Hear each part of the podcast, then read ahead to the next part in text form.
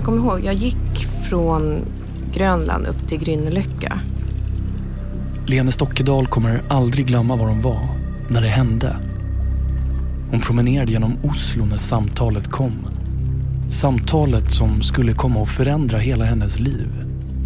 Det gäller hennes dotter, Nora.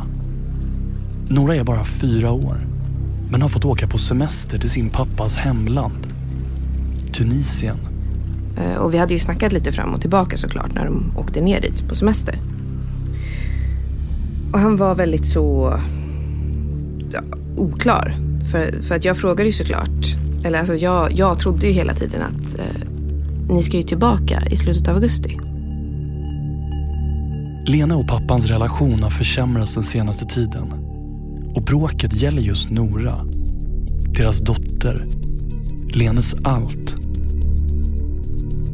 Och han svarade väl egentligen varken ja eller nej på det. Och när det närmade sig dagen hon skulle till, till Norge igen så sa han att det kommer inte hända. Hon kommer aldrig komma tillbaka till Norge igen. Och nu bor de där, i Tunisien. Med honom och den nya familjen. Ja, det blev som att världen runt om försvann. Och jag började gå snabbt. Helt rasande. Chockad. Nej, men det är ju bara traumatiskt. Och det här var ju också bara början på alltihop. Det här, precis det här samtalet på gatan, där i Oslo. Det var startskottet till allt. En flera år lång kamp för att få tillbaka Nora.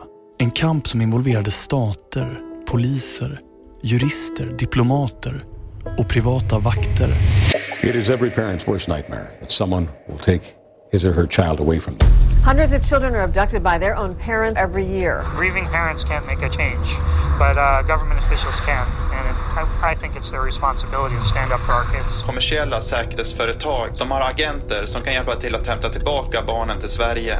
is known in the business as a child recovery specialist. Det var ett norskt barn som hade blivit bortfört. Ja, men det var ju huvudsakligen att få med Nora på en båt över till Italien. Och, och det var ju det vi såg som, som det säkraste sättet att göra det på.